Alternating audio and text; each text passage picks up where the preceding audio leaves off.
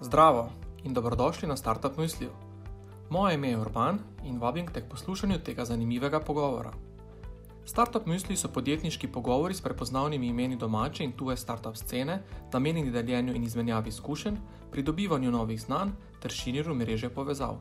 Na tovarni podjemu jih že od leta 2012 organiziramo v okviru programa Startup Maribor. Pa začnimo!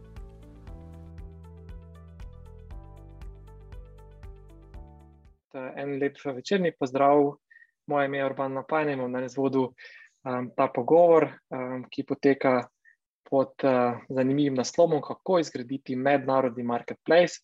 Z mano sta dva zanimiva gosta, Nika in Martin, ki imate na to temo več kot, uh, uh, več kot kaj relevantnega zapovedati.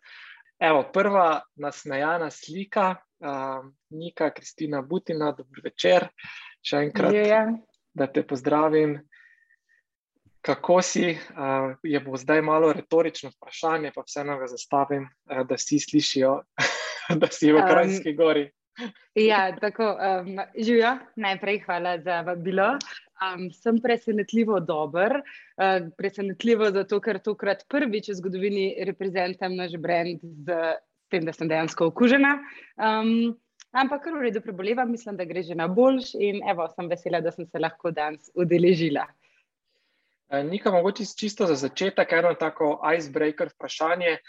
Um, kaj je ključni del tvoje dnevne rutine? Kaj je tisto opravilo zjutraj, povdan, zvečer, ki ga nikakor ne spustiš in uh, nikakor ne mine dneva brez tega opravila? Um, Tako je. Okay, ko si začel vprašanje, sem imela takoj dve zadevi v mislih, um, namreč jutranja yoga in meditacija. Um, ampak, ko si rekel, da ne mine dan brez tega, tako po kakšnem dolgem petku, kakšna sobota mine brez tega, no, če sem čisti iskrena. Um, ampak, ja, načeloma, takrat, ko delam, se pa kar potrudim to dvoje nekako stisniti v urnik. Super. Dej, um, si soustanoviteljica, direktorica startupa Epidemic. Um, zdaj, na kratko, za tiste, ki še te ne poznate, um, kaj Epidemic počne, uh, s čim se ukvarjate. Um, ja, ok, super. Mogoče tako na, na hiter. Um, ja, sem co-founderka, co pa direktorica Epidemika. Um, Epidemic je načeloma moj drugi startup. Um, to vedno povem zaradi spodbudnega sporočila, pač v drugo gre rado. Um, ne se se reče prvič, gre hodičo. Uh, v epidemiku se pa ukvarjamo z digitalizacijo marketinga od ust do ust. Um, mi v bistvu na družbenih omrežjih vzpostavljamo ta marketing uh, z umetno inteligenco. Se pravi, s pomočjo urodja, ki uh, uporablja umetno inteligenco in smo ga pri nas razvili, mi poiščemo najbolj primerne ljudi na družbenih omrežjih, da um, reprezentajo določene brende. Zdaj, ali so to mlade mamice za pamperske, ali so to um, športniki za superge, kakorkoli, ampak v glavnem mi uporabljamo um, umetno inteligenco, jih najdemo, jih aktiviramo in imamo vizijo pripeljati avtentičnost nazaj v oglaševanje. Odlično vidi se, da je pičanje tvoj, del tvoje dnevne rutine, to bi gotovo lahko dodalo na tvoj tisti seznam dnevnih stvari, brez katerih ne mine dan. Um, več o epidemiku se bomo uh, še seveda um, pogovarjali in se vrnili. Uh, morda pa še to, ne, zdaj um, vi ste relativno mlado podjetje, kljub temu pa super rastete in tudi zato um, Eh, širite vašo ekipo eh, in glede na to, da smo tukaj aktivna družščina ljudi, eh, mogoče še en kratek job post za tistega, če se najde kakšen junak ali junakinja, ki se vam želi pridružiti. Ja, ful, ful, dobro. Um, najlepša hvala za tole istočnico. Se pravi, ja, v epidemiku iščemo vodjo operacij. Um, praktično nekoga, ki bi eventually z dobrim sodelovanjem postal CEO, moja desna roka. Um, oglas imate na Growth Hackingu, um, v Facebook grupi ali pa na LinkedInu, mojem, na LinkedInu od Epidemika in na naši spletni strani. Kdorkoli se počuti, um, da bi bilo to nekaj za njega, dejte se prijavljati, pa gremo na kakšno kavo. Super, Evo, um, hvala. Uh, Martin, pozdravljen še tebi. Zdravo. Kako si? Vredo je. So bili ti uh, v Krajinski gori ali si v domači pisarni? Jaz sem v domači pisarni, trenutno na udobni posteli z, za, z blazino za hrbtom, ker imam tako najmanj razmetano ozadje. Uh, ker sem v svoji sobi, če, če dnevno je malo lepša. cool. uh, Martin, uh, skupaj z Gregorjem uh, sta pred kaj leta 2012, ne, ustanovila moj 13, mojster. 13, okay, 13, ustanovila moj mojster, ki je danes Dajbal International in kot že ime pove, je z tega slovenskega mojega mojstra postalo nekaj mednarodnega. mednarodnega. Na kratko, mogoče enako kot pri, pri dniki, kaj počnete, kaj je tisto, kar je danes Dajbal International. Eh, hvala še enkrat za povabilo in priložnost. Pozdrav vsem. Mi rešujemo en problem, ki se ga, v bistvu, s katerim se sooča vsakdo, ki želi imeti urejen dom, da je preverjenega izvajalca težko najti. Naj bo to geodet ali pa preskar in vse vmes. Um, tako da rešujemo v bistvu ta problem, skrajšamo čas iskanja, mojstra, znižamo tveganja. Trenutno smo na 12 trgih, eh, na 6 smo market leader tukaj v okolici. Um, in uh, v bistvu razmišljamo tudi o globalizaciji te ideje. Je pa zelo pestro, ker v zadnjih letih, mesecih je postal dom v času pandemije ena izmed pomembnejših, eh, recimo, kvalitet našega življenja, ko smo ugotovili, da smo za štirimi stenami ujeti, tako da je še bolj pestro um, razvijati to, to poslovno zgodbo, ki smo jo začeli takrat. Um, kot že rečeno, tudi uh, po, k, k platformi in k mojemu mojstru in k razvoju se bomo še podrobno uh, vrnili kasneje.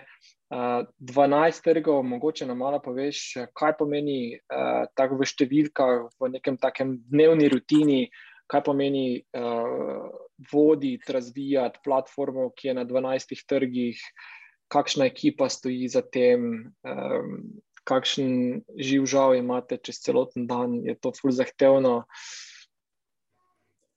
Ja, vse včasih, ko pogledam eh, pač plačilno listo, pa tudi zemljevid, uh, sem malo presenečen uh, nad, nad tem, na kje še smo. Um, mi dva smo bila, smo ugotovila, da smo težko odvisni od koga drugega v vseh teh letih, tako da smo kot nastavitelja še vedno zelo aktivno vključena v razvoj produkta, marketingu in v vseh ključnih aktivnostih, pri čemer uh, je pač sedaj določene vloge prevzemajo za to sposobni ljudje. Pa podjetje predvsem na avtopilotu, torej z nekim dobrim organizacijskim dizajnom, zadeve grejo same v pravo smer, s tem, da je pa kar velik živ žal, predvsem stvari rešujemo intuitivno, predvsem stvari rešujemo zelo hitro in impulzivno, torej zelo lin, ne razmišljamo preveč, ne delamo nekih blaznih strategij, ampak probamo res biti čim bolj okretni, tako da je zelo pestro. Pač naj niti en dan ni enak drugemu razen zjutraj, zajtrk pojem, pa grem spat. no, za tebe, za tebe, mogoče za tebe vprašanje. Um, katera je stvar, ki ti je najbolj ostala v spominu iz prvih treh let gradnje platforme Moj Mojster? Ja, to, da nismo vedeli, kaj delamo. Uh, prvi dve leti uh, je, sta, sta minili čisto v iskanju market fita in v bistvu spraševanje, kaj bi bil naslednji korak, pa neke trme, eh, ki je pač nam, kot founderjem, očitno preveč v krvi. Ne? Eh, ampak skozi to trmo smo se ogromno v bistvu naučili od, od trga. In kaj je najbolj smešno, da zdaj v bistvu po osmih letih dejansko izvajamo svoj prvi poslovni načrt. Bravo. In, in takrat, ko sta um, štartala ne, v teh prvih treh letih, ko nista vedela, um, um, kaj počnete, oziroma ko ste full pivotirali, omenili si tudi ne, produkt market fit. Kdaj v tej zgodovini pa sta dobila občutek, oziroma ste si rekli, da pa imamo produkt market fit? Kaj, kaj je ta zelo, ne, ta prvi svet igral, ta prvi velik mejnik na razvoju startup podjetja, produkt market fit?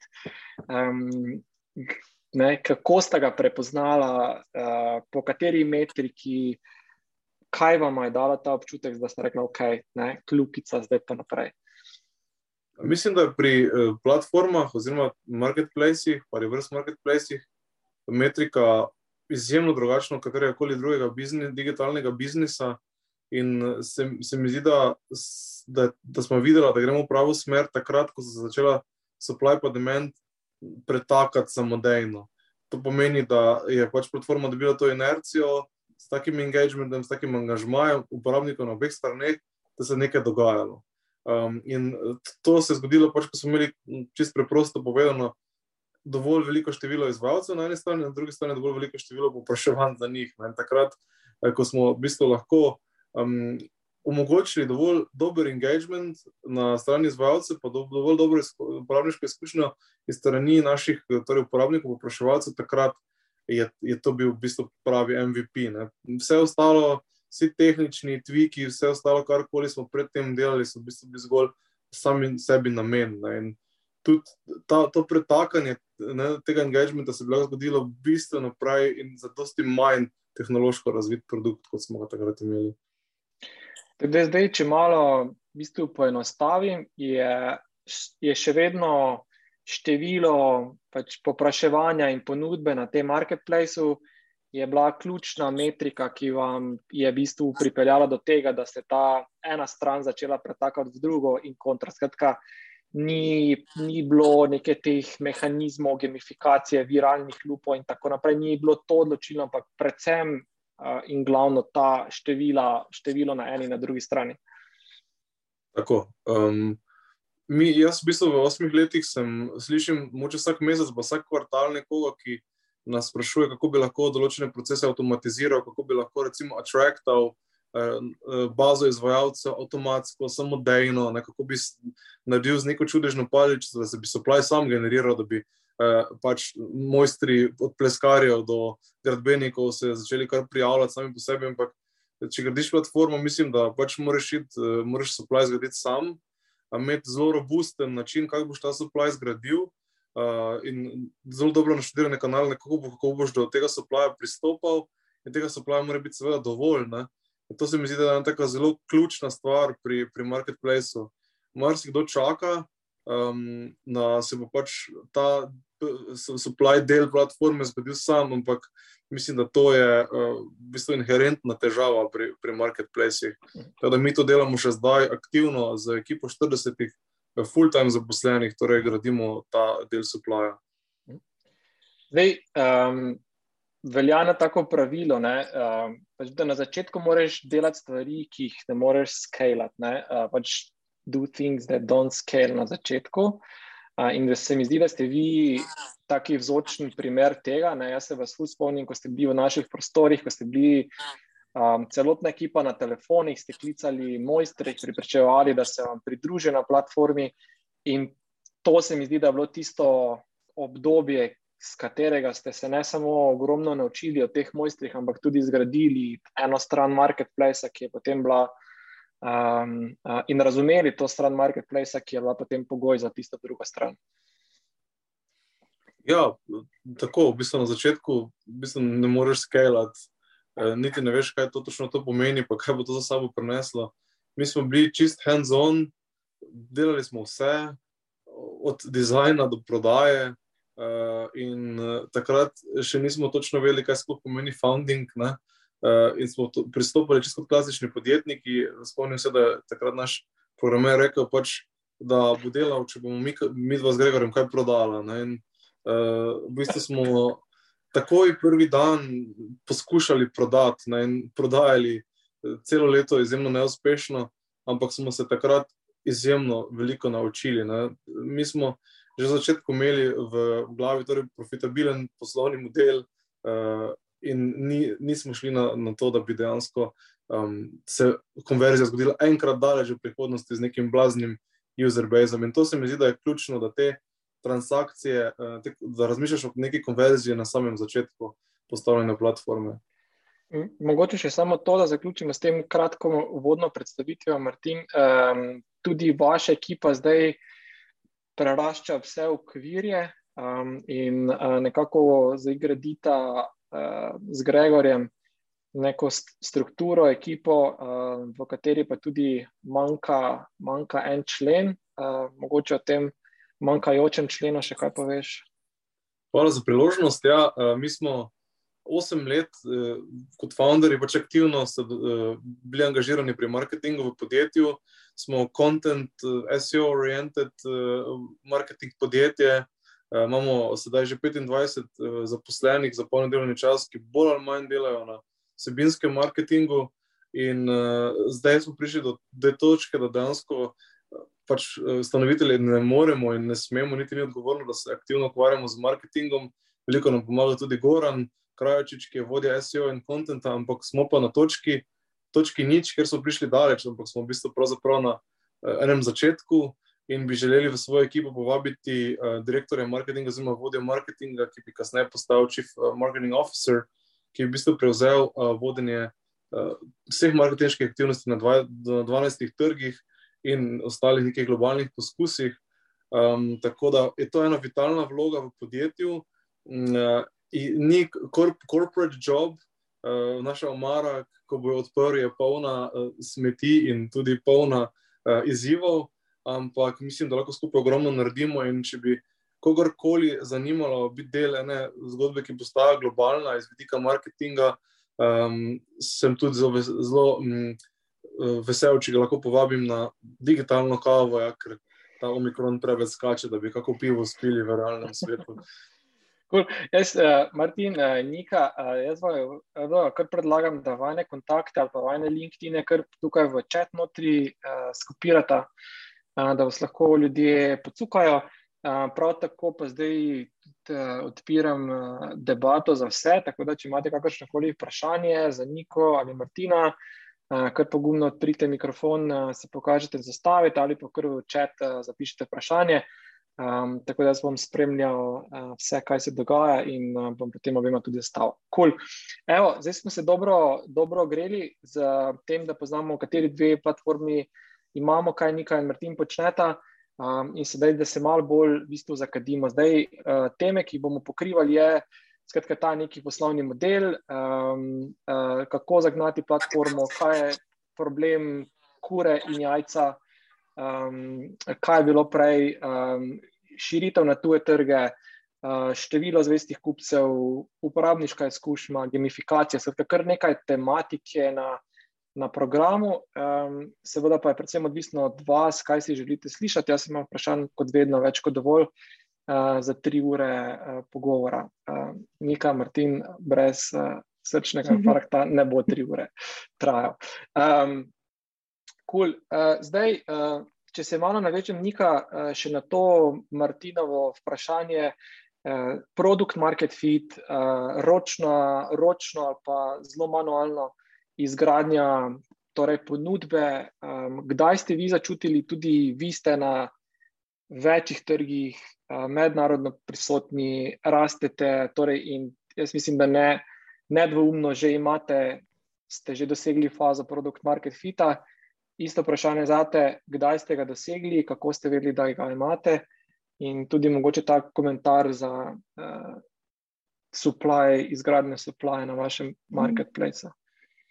Um, hvala, se bom potrudila biti kar se da strukturirana. Moram reči, da že vmes, uh, ko ste se pogovarjali, sem začela razmišljati o produkt market fitu pri nas in vam res rada take zadeve, kot je tole danes, zaradi tega, ker je ful dobro, da se v kakšnih takih čist basic temah, basic temah včasih lahko pogovoriš, pa pa ugotoviš, da je še kakšna stvar, ki je za, za odkrit, pa ni tako basic. Um, jaz mislim, da kar se tiče produkt market fita, smo ga mi prvič dobili, vam bom razložila, zakaj tako pravim, um, zelo hitro, ko smo začeli delati. Zato, ker uh, smo popolnoma, popolnoma lin, se pravi, mi, jaz sem šla drugič čez knjigo s Svinčnikom, zbred, ko smo začeli epidemik delati. Uh, to je naša Biblija, vsi founderji smo jo prebrali in šli po njej, po, po njej delati. In po tej logiki ne moreš zares začeti rast firme če nimaš vsaj delno produkt market fita. Ker da smo mi kakršen koli denar prepeljali noter, mislim, začeli smo z manj kot 100 evrov vložka. Se pravi, da smo prepeljali denar noter, sem jaz mogla to prodati. Če lahko tokrat pa tokrat prodaš, na en, na en način imaš produkt market fit. Um, pol kasneje, ko smo, no, tudi na to sem vrnila s tistim supplyom, um, ampak zakaj sem prej rekla, da um, smo ga prvič dobili? Ker jaz mislim, da smo ga vmes mal zgubili. Um, in to ne dolg časa nazaj. Namreč, ko, ko je podjetje v tok dinamični panogi, kot smo mi, ki je zdaj norišnica, um, pravila igre se spremenjajo tako hitro, da v bistvu um, je treba produkt market fit na en način loviti. Uh, nisem jih nikoli še to zgodila, ali pa nisem o tem brala, um, ampak smo pa zelo jasno to začutili zdaj, ker smo produkt morali spremeniti na hiter, prilagoditi temu, kar je bil očitno market demand, ki ga pa cross my heart pet mesecev nazaj ni bilo.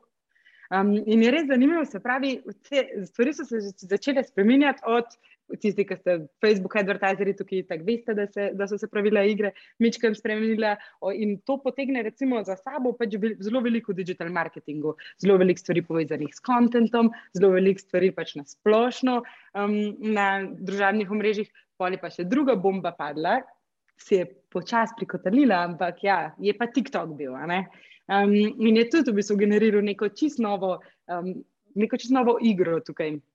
Tako da bi rekla, da mogoče name of the game je um, ne samo, da enkrat najdeš produkt market fit, ampak da konstantno večkrat preverjaš, če ga imaš. Um, nam se je ravno to v bistvu ja, zgodilo tam, večkrat smo bili uh, blindsided strani Web Summita in smo morali potem cel decembr, pa zdaj le prvo polovičko januarja, kar orang dela, da smo ga nazaj lovili. Um, ja, vprosti, si imate nekaj.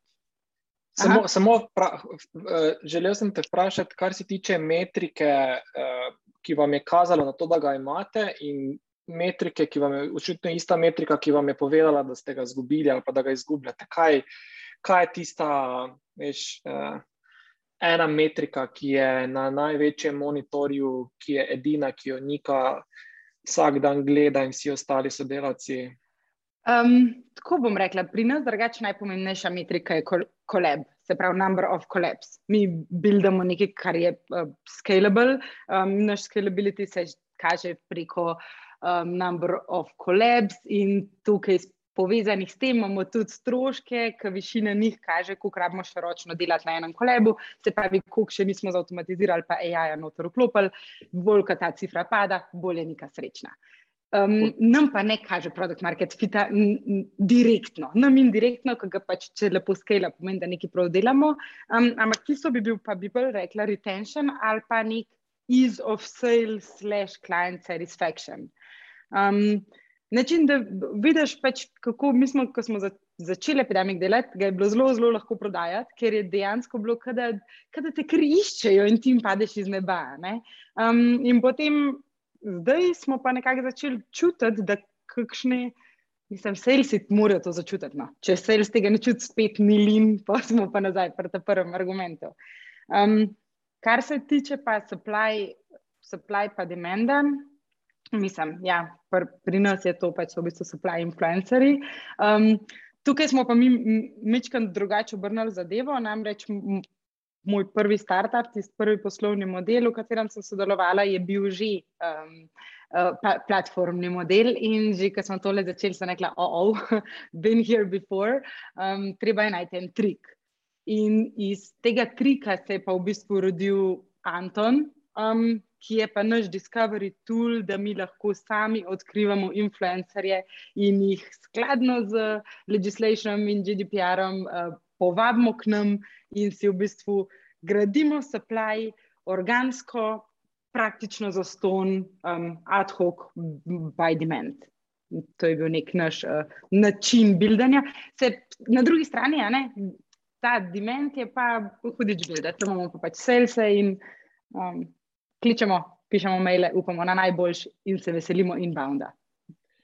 Tako da v bistvu ta, v bistvu na nek način en taki hibridni marketplace, na nek način, uh, oziroma hibridni ste marketplace, ampak eno stran poskušate hekati na ta način, da jo pač ta ponudbo influencerjev ne, ne uh, v bistvu hekate oziroma onboardate s pomočjo te na nek način umetne inteligence, avtomatizacije pa avtomatizacije. Ne.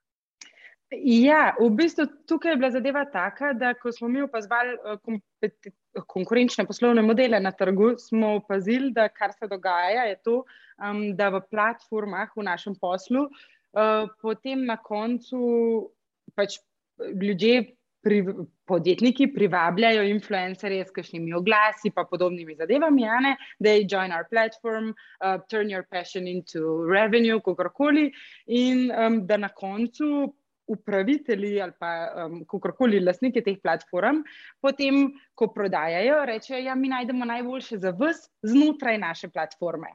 Um, jaz kompromisov na kvaliteti res nimam rada in v našem timu nisem osamljena v tej mentaliteti. In mi smo si želeli stranki reči, mi najdemo najboljše za vas, pika. Ne najboljše za vas od teh, ki jih trenutno imamo tukaj le in so že pripravljeni na to, da jih pokličemo. Mi najdemo najboljše za vas in pač jih z našimi uh, našo kilometrino, pogajanja in vsega, jih pač bomo prepričali, pridobili v sodelovanje z vami in vam jih ponudili kot nek um, vehicle of your message. No? Na tak način. Jaz se res upravičujem za moje anglicizme, ampak težko je. Razumem. Cool. Um, skratka, tu je ta nek, nek twist. Cool. Zdaj, če se, če se uh, vrnemo še malo na ta uh, izziv uh, začetka izgradnje marketplace. Um, zdaj ta zelo znani marketinger uh, Ubra ali pa guru njihove širitve, Andrew Chen je ravno kar izdal knjigo, ki, je, ki, je, ki ima naslov The Cold Start Problem. Skratka, in govori o tem, kako imajo. Marketplace, ali kako imate marketplace na začetku, ta ravno problem tega hladnega štarta, da je vse prazno, ena in druga stran. Uh, zdaj, uh, morda oba malo pokomentirata, se tega smo se že dotaknili, ampak vseeno, um, ne, kako, sta, kako sta začela, kdaj, uh, torej, Martin, če začnem s tabo, um, koliko približno, če lahko, če veš, uh, če se spomniš, koliko mojstrov si mogel onboardati in kako si pre, premostil ta problem uh, hladnega štarta oziroma ta kura jajce, izziv, ki ga ima vsak marketplace.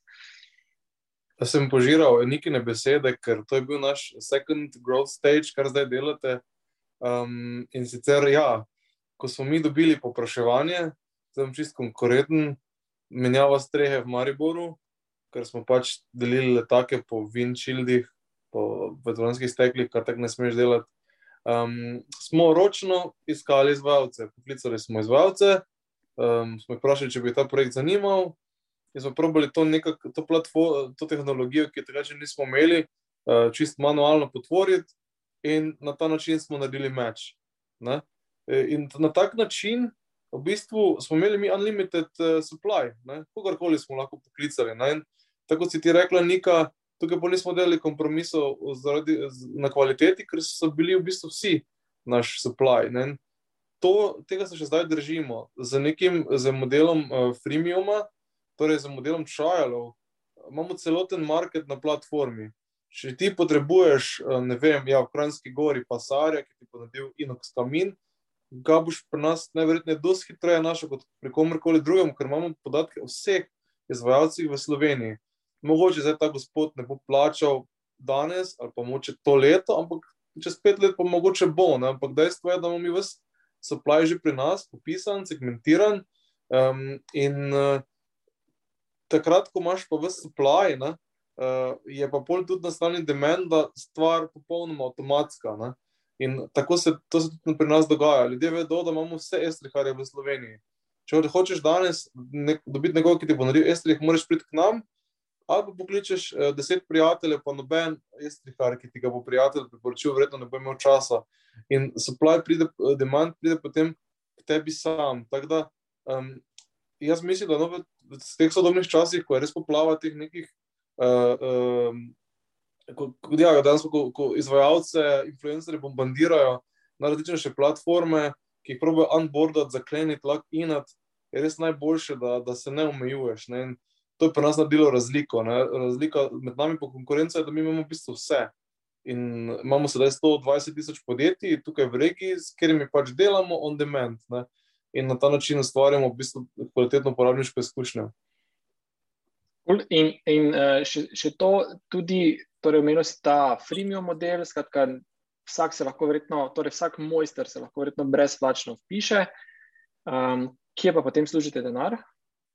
Um, služimo v tisti pač conversion fazi, torej v fazi, ko izvajalec uh, zaključi s to preizkusno dobo, oziroma s tem trialom, in takrat se lahko odloči, ali bo z nami nadaljeval, ali pa v nekem v tem free uh, stageu ostal. In ta free stage je ravno toliko um, razširjen, da imamo še vedno unlimited supply. Um, in ta način nekako uh, balansiramo med tem, da kaj zaslužimo, um, pa med tem, da so naši uporabniki zadovoljni. Cool. Super. Uh, še, še mogoče to številka, koliko ste imeli vi uh, takrat, ko si omenil, ne po dveh letih, mojstra gor, da ste potem imeli ta filik, da se je to začelo samo sukati. Tako preko palca, jih je bilo to ne vem, 50, 100. Takrat smo imeli tisoč izvajalcev in mhm. pa recimo na dnevni ravni tam 10-15 nekih popraševanj v Sloveniji. Ne. Mhm kar je desetkrat manj, oziroma petnajstkrat manj, kot imamo danes. Uh -huh. cool. uh, super, hvala. Nekaj isto vprašanje. Torej, ta uh, kura jajce. Um, uh, Začetek, spomnim yes. se. Ja. Um, uh, tukaj si ne želim um, niti imeti sama resne zasluge, ker jaz sem, kot ste mogoče te točke že ugotovili, prodajnica. Um, in jaz sem klicala okoli in težila korporat ljudem. Medtem ko Gašpor, um, en od mojih dveh co-founderjev, z Gašporjem smo od začetka skupaj začela, Martin se je par mesecev kasneje priključil, apparently Martin Lucky Name. Um, uh, Gašpor je dejansko. Influencer, ko po influencer, ko kucov v Excel. Mi da sem imela take Excele, ampak Excele, ki so nam perfektno služili, ko smo potem risali wireframe za Antona. Excel, kjer smo točno ugotovili, kaj je treba imeti noter, kaj, kako moraš planirati objave, kdaj, kako jih, uh, pač kdaj jih moraš zaznačiti. Vse je v bistvu, kar rabaš imeti narejen za eno kampanjo, ampak je pa bil hec, ker v Excelu te, po Excelu ti že lahko iščeš, ampak da Excel nafilaš.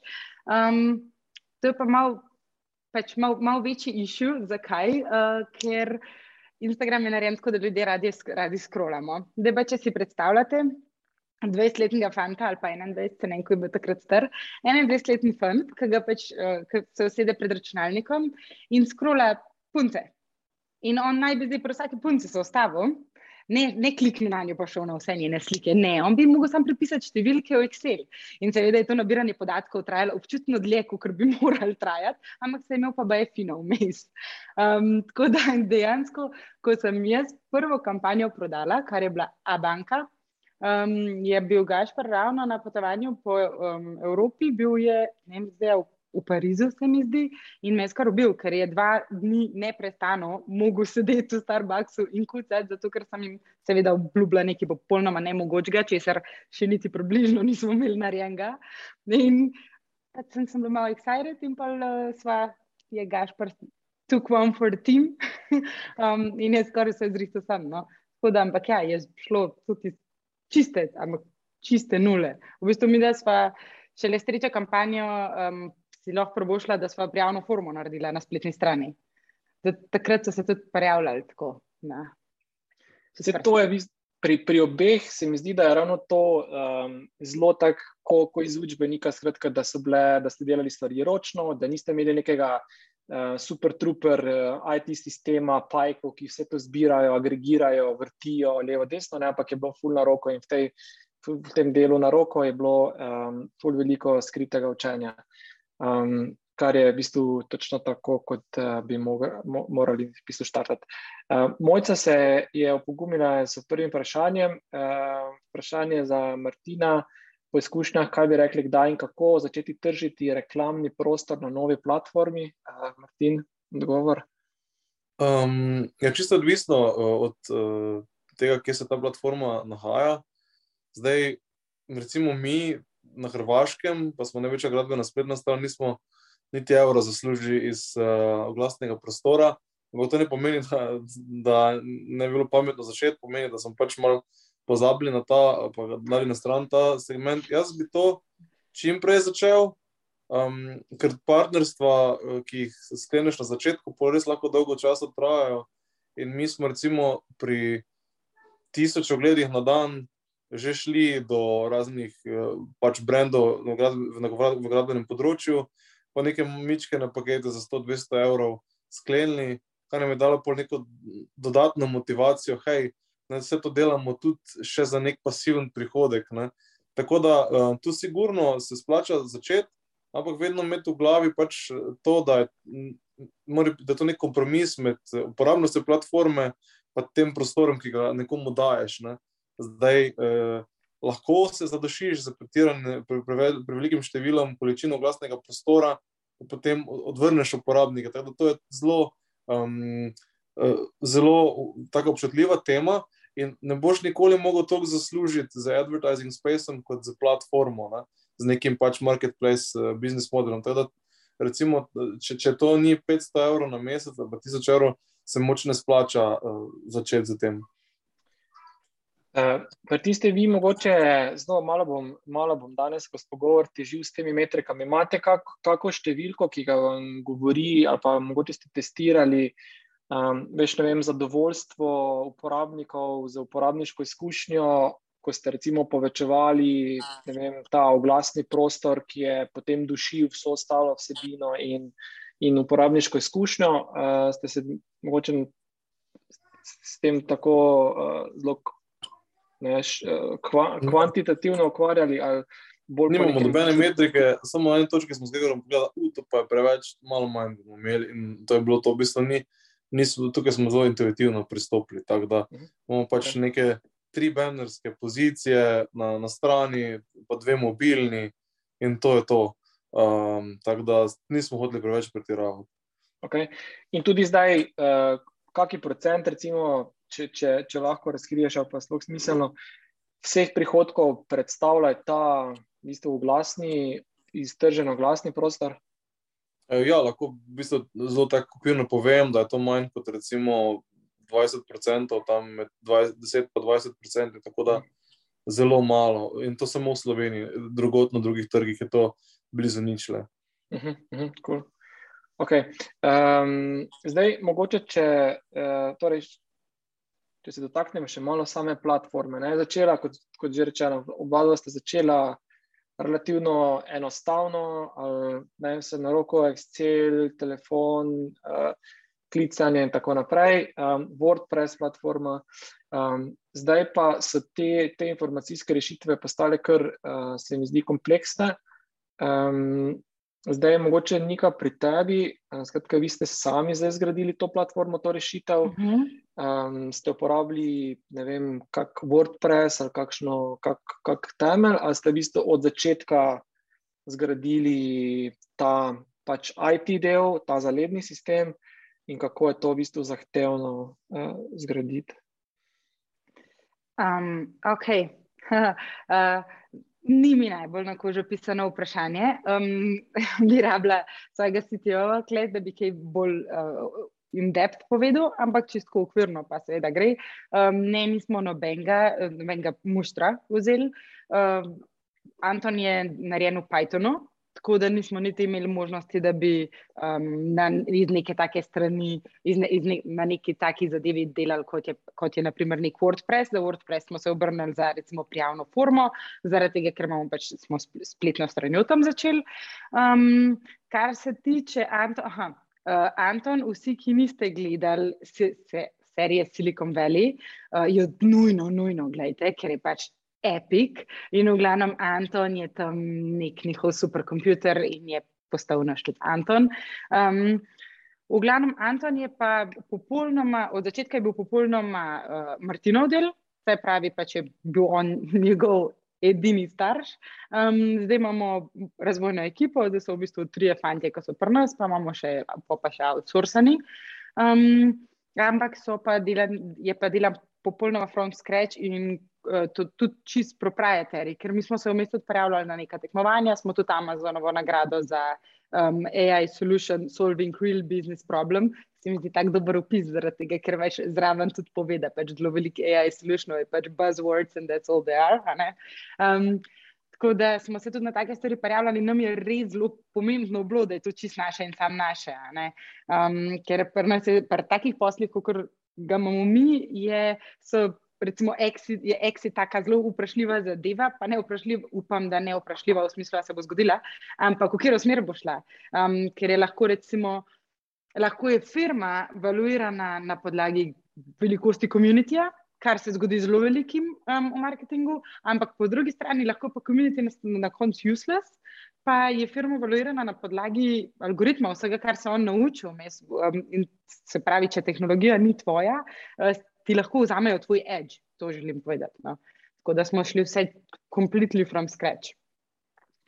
Super, to je, to je eno tako fajno izhodišče, da tudi v bistvu vrednost, ki jo gradite, ne, pa tista jedrna, tudi ja, vrednost, ki jo potencialno nek, um, uh, neki prevzemnik v bistvu kupi, ni ta velikost enega in druge strani, ampak je predvsem ta pamet, uh, ta v bistvu algoritem. Um, cool. Martin, pri vas, uh, torej platforma.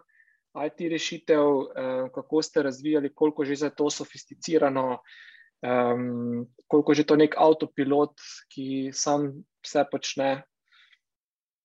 Ja, v bistvu mi nekega, nekega um, tega AI dela nimamo toliko močnega, ker vseeno so stvari pre, relativno manualne. Je pa res, da smo začeli z izjemno preprosto rešitvijo, ki pa se je potem nadgrajevala glede na potrebe. Eh, smo ljudje, ki nismo hoteli plačevati za neke drage eh, rešitve, nekih pluginov, zato praktično ne pravimo ničesar. Vse smo razvili in-house, od CRM-a, invoicinga, eh, vseh teh stvari, ki jih tako zelo radi, v bistvu outsourcamo, povežemo z nekimi zunanjimi rešitvami, in smo na koncu prišli do tega, da imamo eno integrirano celoto. Ki nam v bistvu omogoča, da vodimo celoten biznis, od izračuna, obračuna plač do merjenja engagementa izvajalcev, to je vse v bistvu znotraj ene strehe in to je naša neka programska rešitev, ki pa se čisto tako parcialno v nekih modulih eh, čez ta leta dodajala, ker v bistvu roko na srce, platforma za povezovanje izvajalcev pa uh, torej ljudi, ki poprašujejo, je tehnično izjemno enostavna uh, zadeva. Ne? To se v bistvu zelo hitro uh, soočiš, da dejansko vse te stvari, o katerih je to govora, pa so bolj povezane z nekim nesofisticiranim recimo, delovanjem, niso tako zahtevne. Je pa kot celota to zdaj že zelo eh, velik program, tako da je par gigabajtov, tako da uh, je tudi v bistvu praktično 90% vsega in-house narejenega. Uh -huh. cool. eh, preden, se, preden se lotimo vprašanja internacionalizacije, pa širitve, še imamo eno, eno, eno vprašanje, tudi konceptualno z vidika tega štarta in začetka. Uh, ta teorija v bistvu difuzije inovacij govori o tem, da v bistvu ti od early, najprej osvojiš early adopterje, ki so potem v bistvu tisti motor, ki te popelje do, do te prve večje skupine uporabnikov, tega early majority. In da ti na začetku moraš biti zelo nišni in super poservisirati te early adopterje.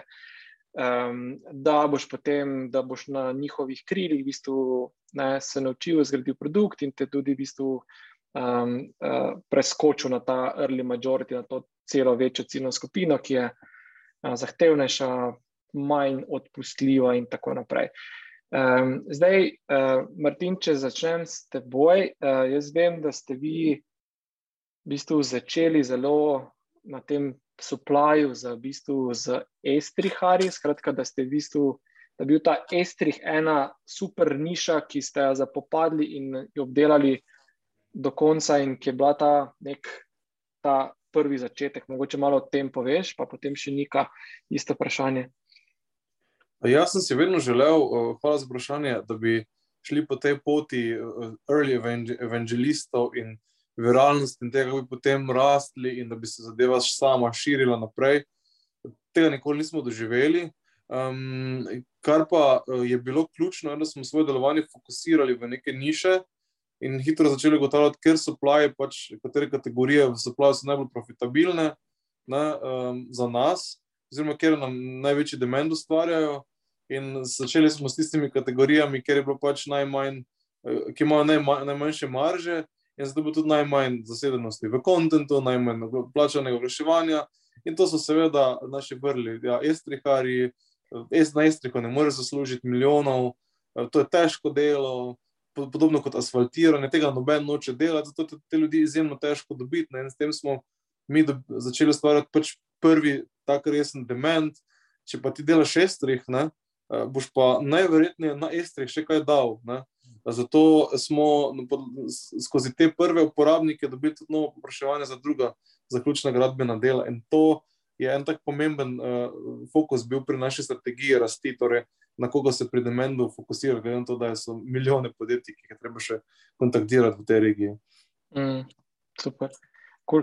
Uh, thanks, Nika, uh, pri tebi, uh, kakšen, obstajajo kakšni taki podobni estriharji, um, ki so bili tisti prvi, s katerimi ste začeli? Imate mogoče vi te tipične early adopterje, ki so vas potem odnesli v orbito? Želela bi si, pa obajdo je full smart, full dobro. Zdaj, uh, kar si razlagal, Martin, v bistvu ne, da ne iščeš, da se ne zaganjaš kaj, kjer so vsi, ampak greš nekam, v bistvu, kjer je. Mehna marža, ampak zaradi tega imaš pa ti boljši access do njih, tako morajo pa ljudje nekaj na to dati. Um, Bom poskusila poiskati kakšno usporednico, pa pri nas kaj na to temo nagruntati. Um, sicer ne, jaz sem si predstavljala, da bo pri nas tudi tako, da si, bom, da si bomo lahko zbrali eno um, ciljno skupino, ki bo najbolj dovzetna za neke novosti. Um, in jaz sem si wishful thinker predstavljala, da bodo to agencije. To bi mi sploh pasal, zaradi tega, ker je preko agencij zelo lahek dostop do kupcev, plus one načeloma že razumejo, kako. Um, Kako introducirati novo orodje za marketing.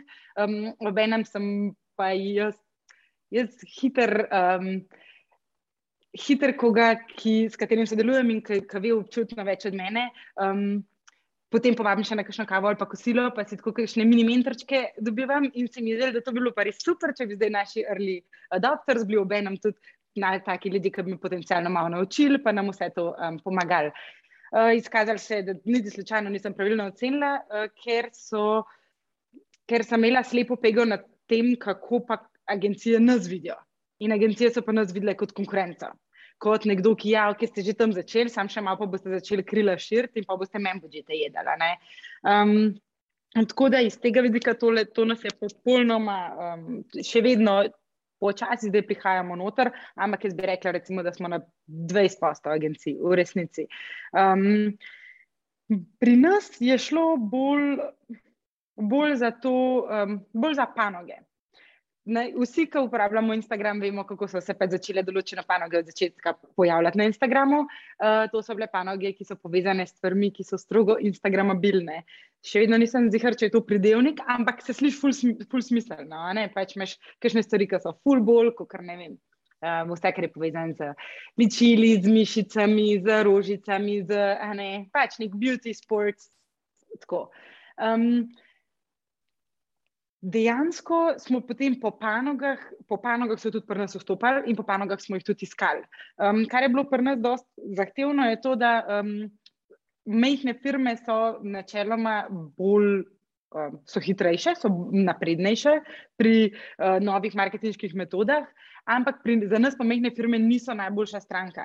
Zaradi tega, ker mi v resnici smo dobri v tem, da velike brende uh, približamo um, približamo strankam, vse od začetka smo, je, bilo, je bil v bistvu to naš game.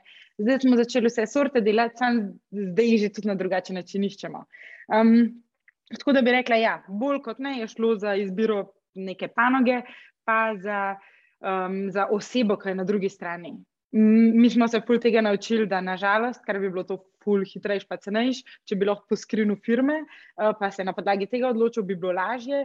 Ampak načeloma je pač res vprašanje, kdo je marketing manager v tisti firmi, koliko je napreden um, in koliko je drzen pri uporabi novih um, metod. Na koncu nam, nam je za začetek najbolj odnesel to, da sem jaz nastopila na dogodkih. V resnici tisto je pol pofišal ven ta radovedne ljudi in tiste zima pol lahko prijemane, pa z njimi delo. Cool, super, hvala. Uh, Martin, ti nam boš, da nam ne boš prej pobegnil. Uh, uh, preden, preden zastavim še zelo pomembno vprašanje, ki je tudi ena izmed danes uh, topikov in sicer ta širitev. Ne, en trg na začetku Slovenija, zelo dobro poznamo, uh, vse majstre lahko v bistvu prikličeš, uh, 12 trgov. Kaj je tukaj vmes? Uh, kak, kaj pomeni eno platformo, ki je tako relativno uh, geografsko specifična, v bistvu razširiti na 12 trgov, kakšni so koraki. Imate zdaj nek, nek recept, neke korake, ok, trg pomeni odpreti to, pa to, pa to, ali vsak trg um, nekaj za sebe, koliko vas stane odpiranje enega novega trga, malo boče o tem. Um, upam, da nisem zdaj predolg, da bi vstal vprašanje. Ja, hvala za vprašanje, zelo relevantno vprašanje. Eh, pri nas, ker je pač supply lokaliziran, je to bilo izjemno boleče. To pomeni, da v bistvu, ko smo napolnili en trg, smo morali iti na nov trg z drugim jezikom, z drugo, morda celo kulturo, z drugo razpoložljivostjo eh, suplaja. Uh, in ta del je bil na začetku zelo zahteven. Kar pa je bilo pozitivno, da smo v bistvu, ker je pač ta naš uh, slovenski trg tako majhen, bili zelo hitro prisiljeni iti drugam. Um, in uh, v bistvu skupirati, poskušati skupirati to, kar smo naredili v Sloveniji, uh, se spomniti, kako reproducirati vse te korake. To je bila pač pri nas Hrvaška, Um, in na to pač dodajati nove, nove trge, zdaj se da imamo playbook, kako to narediti. Vse stvari so bistveno enostavnejše, gremo pa na večje in zahtevnejše trge, tako da spet so neke nove tendence, ki, ki, ki se jim je treba prilagoditi. Um, vedno sem si želel imeti uh, globalen supply, uh, pa neki market, ki, ki bi lahko z recimo, vem, enim jezikom reševal kontent, tega žal nimamo. Uh, tako da um, moramo reševati vse z eno veliko hordo prevajalcev, ljudi, ki nadzirajo kvaliteto, um, različnimi, uh, zaposlovati različne kulture, različne narodnosti, ljudi, ki govorijo dru različne druge jezike. Um, smo pa pač videli, da uh, mor moraš imeti za širitev ekipo in-house, torej neke te outsource, quick rešitve z nekimi ljudmi, ki bodo sedeli v svojih sobah, v nekih distanciranih državah in bodo zgradili platformo, ne delujejo. Mi smo se enostavno po par slabih poskusih naše avstrijske pa hrvaške eh, ekipe, ki zdaj več ni odločili, da bomo naredili dve centralni pisarno, eno v Mariboru za Dah regijo, pa Slovenijo, eno v Novem Sadu za celo ostalo Evropo. Imamo vse ljudi noter v eni pisarni, skupaj sedimo in skupaj delamo in se mi zdi, da je bil izjemno pomemben uh, premik v širitvi, uh, kaj ti pač pretok nekih izkušenj, znanj, informacij je bistveno hitrejši. Uh, in v bistvu, ja, dejansko ta naš market hopping zdaj delamo na ta način, da gradimo ekipo uh, iz dveh teh naših celic in pač dodajamo trge na tem playbooku. Probamo pa jih dodati več naenkrat, da so ti procesi čim cenejši. Če bi imel en KPI, ne vem, strošek odpiranja trga, da ga čim bolj znižaš. Ne. Kaj zdaj, torej 12 trgov, um, uh, koliko recimo imate nek čas, ki ga lahko ocenite, da odprete en trg, pa odprete pomeni, da v bistvu tam pač daj ba oziroma moj mojster zaživi, torej da se pač uh, ena in druga stvar zač, stran začneta sukati, ali je to ful specifično, ful lastno vsakemu novemu trgu, um, mogoče to. Um, mi, uh, ja, to je zelo relevantno vprašanje, ki ga tudi naši investitorji vedno zastavljajo. Uh, koliko bi pa mogli zdaj denarja dati, da bi vi v dveh mesecih odprli trg, ne? če bi bilo, bi bilo milijon dovolj za en trg. Uh, nažalost, ali pa na veselje, mi smo uh, se dosti naslanjamo na SEO, pa na, na organic content in ta ne pride kar tako samo od sebe, mislim, pride samo od sebe, ampak ne moreš ga dosti pospešiti uh, in tudi gradnja so, so plaja, traja, tako da Zdaj smo recimo iz treh let, da pridemo do nekega odprtega trga, nekako imenujemo, kadar pridemo do približno nekega break-evna. Um, smo skrajšali recimo na dve leti, ampak ne vemo pa, kaj bodo recimo večji trgi, kot so Poljska ali pa neke naše eksotične poskusi, ki bomo jih lansirali v Afriki, po Aziji, um, pomenijo. Tam, to pa je skel, na katerem se še bomo mogli učiti, ampak je spet ena izkušnja, bomo videli um, stvar, ki ne smeš nikoli reči, ne bomo videli, pa temu času čas, ampak nekaj dan sem to na bordu rekel, all we need is time uh, in tako je. Ej, uh, imaš še dve minutki za eno hitro vprašanje? Ali, uh, ja, brez, lahko, slabe, lahko. brez slabe vesti. Uh, uh, nekaj stav, uh, ma, malo bom zdaj dal Martinu prioriteto, ker bo pobegnil bom, da ne zameriš. A, abs absolutno, Martin, pa ko boš privoli, lahko si pa ogledaš storijo, katerega sem te lih kar tegala. Bom, hvala. uh, pomembna stvar, ki si jo zdaj omenil, na katero si se navezal, je ta SEO. Skratka, vaš marketing, pridobivanje uporabnikov, uh, v bistvu temelji, temelji na SEO. Skratka, ni ta plačljiv, potisni marketing, agresiven, ampak je v bistvu SEO. Uh, zdaj, kaj ste se odločili za to strategijo in ali ostajate zvesti tej strategiji? Um, uh, tudi v prihodnje, ali je to neka neka dogma, ki se ne držite kot uh, v bistvu pijanec plota, ali boste mogoče iskali tudi kakšne plačljive, bolj agresivne modele pridobivanja. Ja, v bistvu nismo plačevali prvič za glas, zato ker nismo imeli denarja. Uh, to je bil prvi tak, prvo izhodišče, drugo pa, ker nismo znali tega dobro narediti. Ne.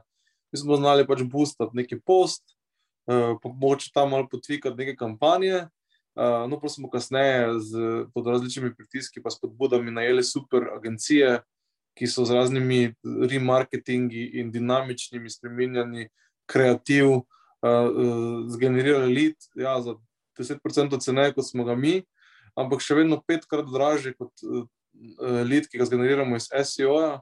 In to nam je nekako dovolj uh, dobra metrika, da v bistvu da, dalje vlagamo v, to, v ta segment kar se mi zdi pomembno, je, da ti lik acquisition cost pri vlaganju v SEO z leti pada, ne raste, nisi odvisen od nekih tujih um, sesalcev denarja, ki ga gomilijo v, v Silicon Valley, ampak od sebe, pa posredno no, od, od njih, ker se pač te rangirajo na prva mesta. Uh, ampak se mi zdi, da je SEO ena taka naložba v uh, prihodnost, ki se pa, start, ki se pa startupi izjemno otepajo, ker je drago, dolgoročno, težko predvidljivo in rezultate pač prinaša kome čez čas. Um, mislim pa, da to je uh, prihodnost vseh on, vsakega online biznisa, ne? ker je pač uh, internet full of crap. Ne? Če ustvariš neki dober kontent, ki ljudem pomaga, si na dobri poti in to se mi zdi, da je dobra investicija za prihodnost. Eh, pač seveda z nekimi plačilnimi kanali, ki ti verjetno boostajo, eh, plačljivimi kanali, ki ti verjetno boostajo tiste, tiste prve prodaje, ki jih, ki jih rabiš.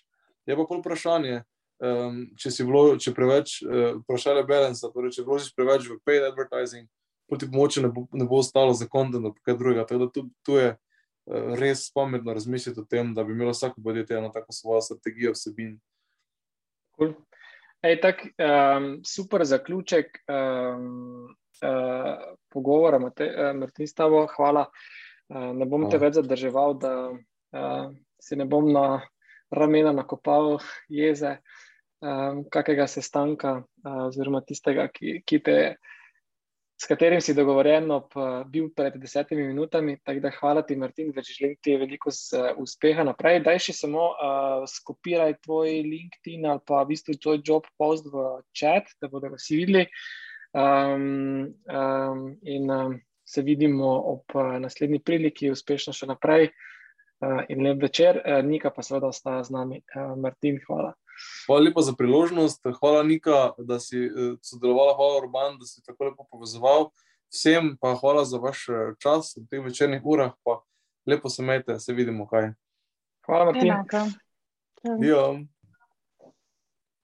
Evo, Nika, zdaj pa je vsa pozornost tvoja uh, in, malo, in malo moja. uh, Zdaj, eh, šla smo kar čez nekaj vprašanj eh, z Martinom, pa bi zdaj šel kar v bistvu na začetek eh, na ta ista vprašanja, tudi s teboj. Um, pa če začnem z zadnjim, ki je bilo najbolj sveže, skratka ta SEO in plačljiv in kaj in plačljiv marketing, kaj je v bistvu ta glavni motor rasti, uh, ki se ga vi poslužujete in zakaj ste izbrali prav tega? Um, zdaj je spet tako, motor rasti pri nas, odvisno v katero smer, ker smo platformno oblikovani. Um, se pravi, če bi mi bili B2C, bi se jaz najverjetneje posluževala enake zadeve, kot, kot se je Martin, ker se popolnoma strinjam z njim. Um, ampak mi smo B2B. In v, v tem poslu čisti content strategy je morda malenkost preveč long run. Um, mi smo zato šli, motori rasti, pri nas so uh, naši prodajniki, kar se tiče posla, v resnici veliko večino. Drugi del je pa um, za tukaj startup, kot smo mi, um, imamo mi zelo veliko, imamo skoraj 40 postov inbounda. Se pravi, skoraj 40 odstotkov naših strank v, v resnici pride do nas. Um, to si jaz mislim, da je malenkost ne fair, ker smo v mehni državi, kjer sem jaz že zelo dolgo v startup sceni in uh, zato imam možnost se malenkost bolj izpostavljati, pa nas kdo vidi. Um, in me iskreno ta zadeva zelo skrbi zdaj v letu 2022, ker imamo um, plan uh, br, uh, Crossing the Chasm. Uh, se pravi, mi želimo, zdaj, kot sem videla tudi v, um, mislim, da je v opisu dogodka, um, pa je itak logično, epidemija je na zelo velikih trgih. Um, ampak jaz vedno upozorim, kako smo mi prisotni na teh trgih. Prisotnost pomeni, mi izvajamo tam kampanje. To ne pomeni, mi prodajamo tam kampanje. Bi bila zelo srečna in bom, ko bomo, ampak um, nažalost, še nismo tam. Ne? To pomeni, da mi v resnici regionalno v veliki meri imamo tudi, um, tudi po Evropi par klientov, s katerimi delamo, ampak naj, največ je pa regionalno, prodajamo kampanje, ki jih izvajamo po celem svetu. Se pravi, tukaj pa pridemo do našega drugega motorja rasti, ki je pa v resnici Antonov Discovery Feature, ki nam pa pomaga, da mi odkrivamo prave ljudi za brende, kot sem prej opisala, in jih potem nagovorimo za sodelovanje. Um, in tukaj je pa ravno ta del, zaradi katerega, ki ste se prej dotaknili investitorjev, tukaj je ta del, zaradi katerega um, jaz mislim, da smo mi privlačni um, investitorjem, ravno zato, ker če v svojem. Če v svoj, v svoj growth engine urineš nek hack, ki naredi, ki, ki ti naredi rast cenejšo od tvojih um, konkurentov, uh, je to, mislim, je to sigurno dober, um, uh, dober znak. Zdaj pa imam samo še uh, million dollar question, literally, kako to narediti na drugi strani. Uh mhm. -huh. in, in zdaj tudi ta, uh, ne, če gremo zdaj dve vprašanji na zdaj, ta v bistvu uh mhm. -huh. selitev na tuje trge. Skratka, z Antonom imate na nek način rešen ta supply, skratka, iskanje in -huh. mečanje influencerjev ta prodajni del pa je relativno zelo nes, neskalabilen, neskalabilno skalabilen, prodajna ekipa, klici in um, v bistvu uh, zelo taki agencijski na nek način. Tako, um, mi smo, tako, da, da ne bo nesporazuma, ne, mi smo probali ufurati, da si oni sami naročajo kampanje. Ampak um, en del, zakaj nismo šli čisto pot, leži v, že v samem um, odgovoru na vprašanje, zakaj smo sploh zapeljali hibridno vso zadevo, poleg reševanja um, čikanek problema. Um, hibridno mislim, zakaj smo vključili storitev v del svoje platforme ne, neposredno. Uh, in tukaj gre za to, da um, influencer marketing je bil recimo dve leti nazaj relativno nova stvar. Še vedno je veliko marketingašov, ki se s tem v resnici iz prve roke ni srečala. Um, in mi smo takrat opazovali, se, kaj se je dogajalo, ko sem jaz prodajala. Um, in sem pol velikrat slišala, mi smo to sprobali, to, to pri nas ne dela, to za nas ni. Sem rekla, kako ste sprobali, kako ne dela. Ja, plačali smo tam le uno platformo in pa sem jaz to le imela in pa sem jaz to poklikala in pa sem mi pač razlagala, recimo, gospa. Um, In sem jim rekla, ampak a, a ste vi kaj pomis prebrali ali pa kaj, a veste, kako to deluje, na kakšnih, eh, v bistvu, da to temelji na psihologiji, na, to, na tem, da ljudje radi ponavljamo, um, da si izbiramo v bistvu ljudi, ki so nam vzorili od majhnega, pa potem ne, mi zdaj poskušamo to povezati s purchasing behaviorom. Ja, ne, pa se jih uno zbereš, a ne uno, ki moja ta mala reče, da je uno huda in jaz uno zberem in pa ji damo 100 evrov. In ne deluje. In meni to tukaj iritirali, da povezujejo lastno inkompetenco z uh, panožno, v bistvu z, z kvaliteto panoge, nekak, ali pa samim obstojem panoge, da pa zdaj pač v bistvu to ni dobro, zato ker pa ona ni znala. In sem rekla, okay, kaj pa če bi mi zaparali zadevo en korak dlje, da imamo mi v bistvu en tim ekspertov, um, ki nam v, znotraj epidemika odpelje te stvari na mesnih, pa da se lahko dejansko digital marketeri uh, posvetijo svojemu delu. Aha, ne, to bi fair, še en zelo močen input je bil. Um, med prodajo um, sem en tak zelo direkten feedback dobila. Um, uh, v smislu, a ti veš, kako je biti digital marketer v tem času zdaj? Um, najprej smo delali SEO, Pol so nam ruknili social medije. In vsak let je en social medij več, ki ga moramo za to uporabljati. Pa imamo zdaj na vsakem od teh social medijev, poleg lastnih profilov, še ECE. Zadnja stvar, ki jo skočim, je še en tool, ki se ga moram naučiti uporabljati. Sem si rekla, sorry, ne kaj, glej ga zvonka. um, pač, Tisti človek, ki je decision maker v firmi, ki jaz poskušam prodati, biti to, kar mu jaz prodajam, kot burden, ne? kot neko breme, dodatno. Kaj pa če bi mi v kolo obrnili, pa bi jih probali razbremeniti. In tukaj je v bistvu prišlo do tega, da smo epidemik spremenili v um, storitev. Um, in smo rekli, ok, pa, pa v bistvu na tak način pa lahko, um, na tak način mi lahko um, kontroliramo kvaliteto, obdržimo retention, mislim, spodbudimo retention. Um, In smo rekli, da je to pač nek quick solve, kot si rekel prej, ne vsi, vsi pravijo, od začetka moraš delati stvari, ki niso skalabilne. Um, iskreno dejstvo, da smo mi še vedno na točki tega, da nimamo heka za prodajo, kljub temu, da imamo tuk hekov za vse ostalo, ker smo res uh, norci v efficiencyju in imamo ful, ful dobre stvari, se spomnimo, ampak prodaj, prodajamo pa enako velike firme. No? In jaz mhm. nekako še čakam ta nekaj, ki se bo zgodil, um, ki nam bo pomagal, da bomo to naredili bolj scalable. Seveda, alternativa, ki je nedvomno skozi planu, je pa, da uh, se s partneramo z dost velikimi agencijami. Uh -huh. um, še, še to nika. Um, ne, ti si, se mi zdi, da ste. Neko ste naredili ta, ta preklop, skratka, ko si začutila to, oziroma ugotovila, zaznala to pravo bolečino, skratka, da ti, torej, marketingare, ki so tvoje stranke, v bistvu razbremeniš, da jim ne vržeš ne, na mizo še enega urodja, ki se ga mora znova učiti, in tako naprej. Skratka, uh -huh. da mhm. si tisto pravo bolečino, da ta pravi gumbek pritisnjena. Um, ampak to, ne, to je na nek način izobraževanje trga, ki pa je.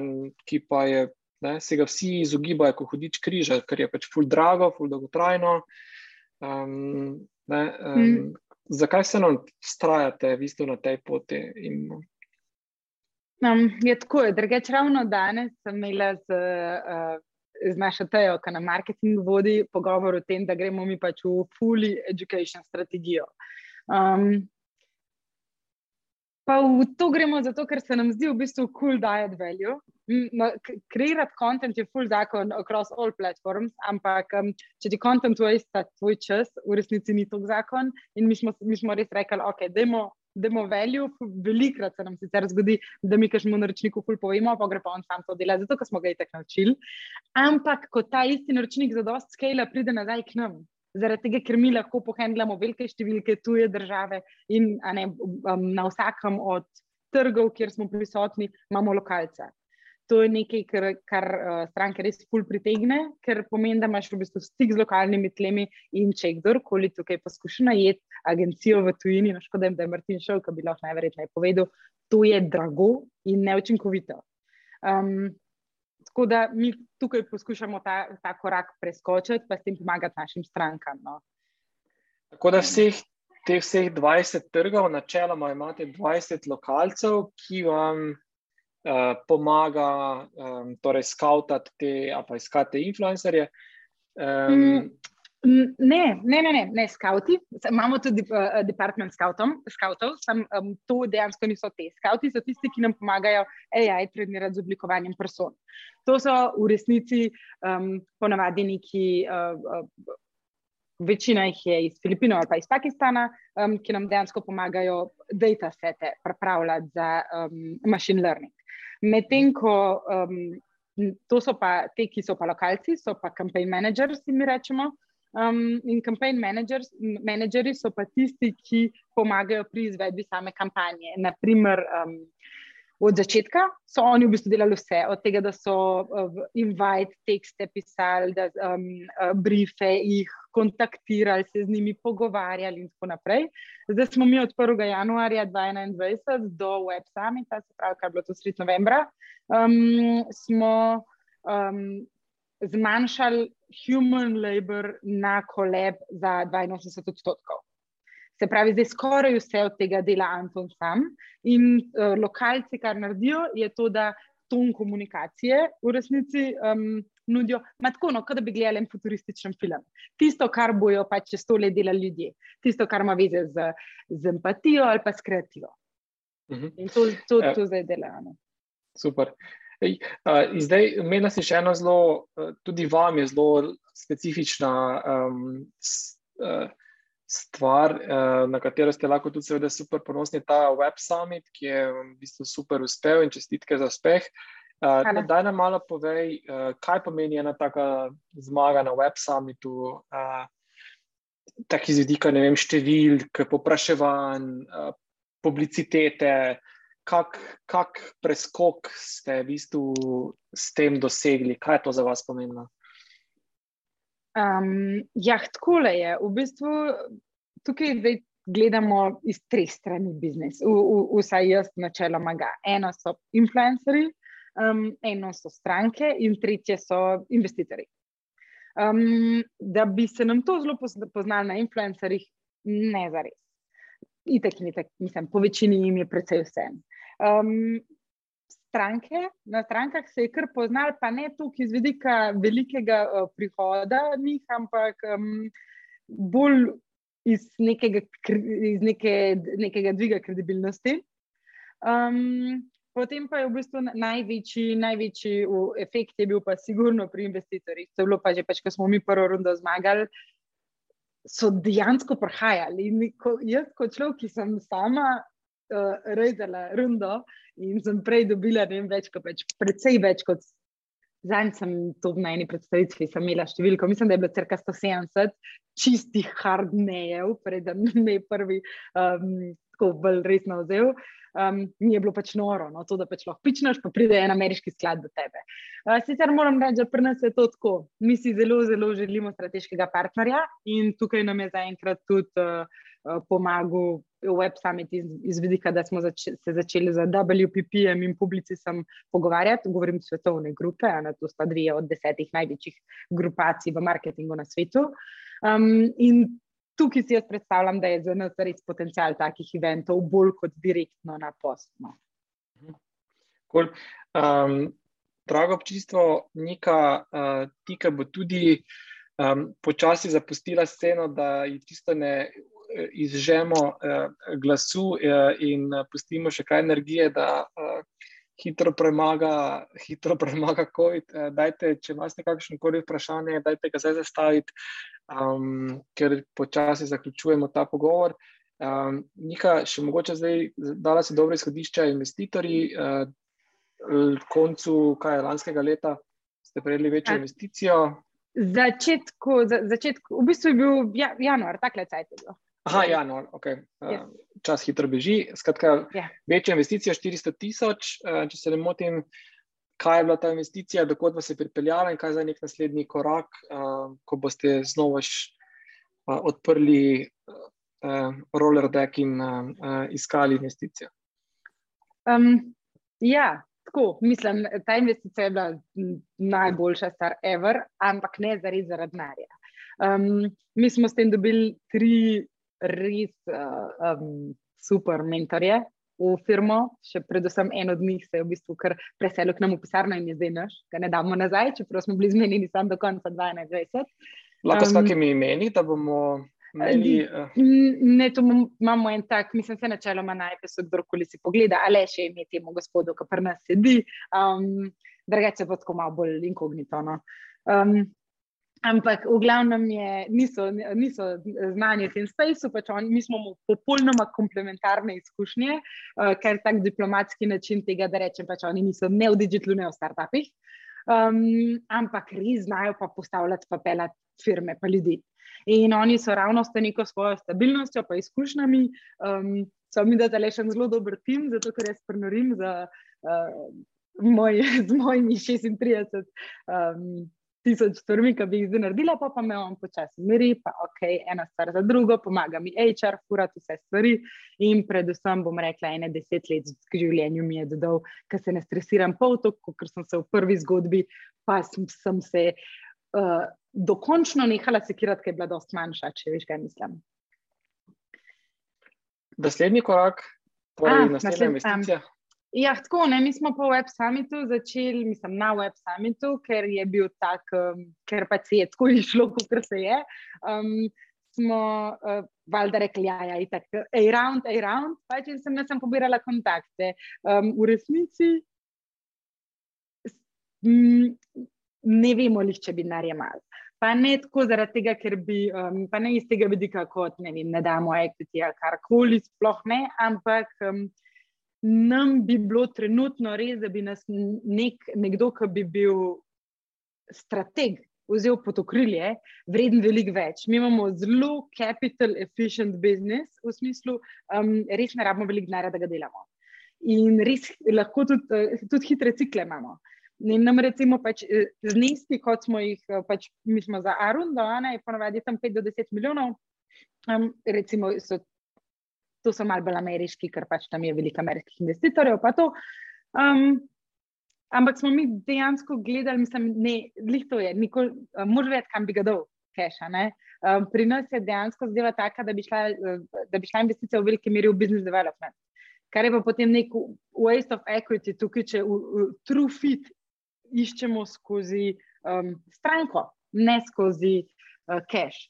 Tako da tukaj imamo še malo, tako smo še malo obli, no, in tako puščamo si vse možnosti odprte, jaz se z vami pogovarjam, um, ampak bi pa raj kaj drugega.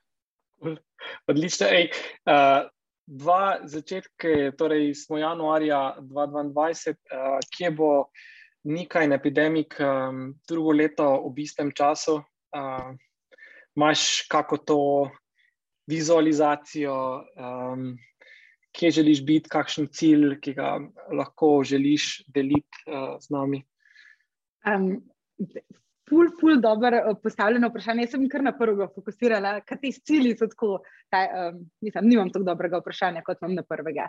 Nisem tako dobrega odgovora. Uh, Že zdaj bi morala biti nekje na toplem, v resnici. Pa me ta COVID že drugo leto zaporedoma zezno.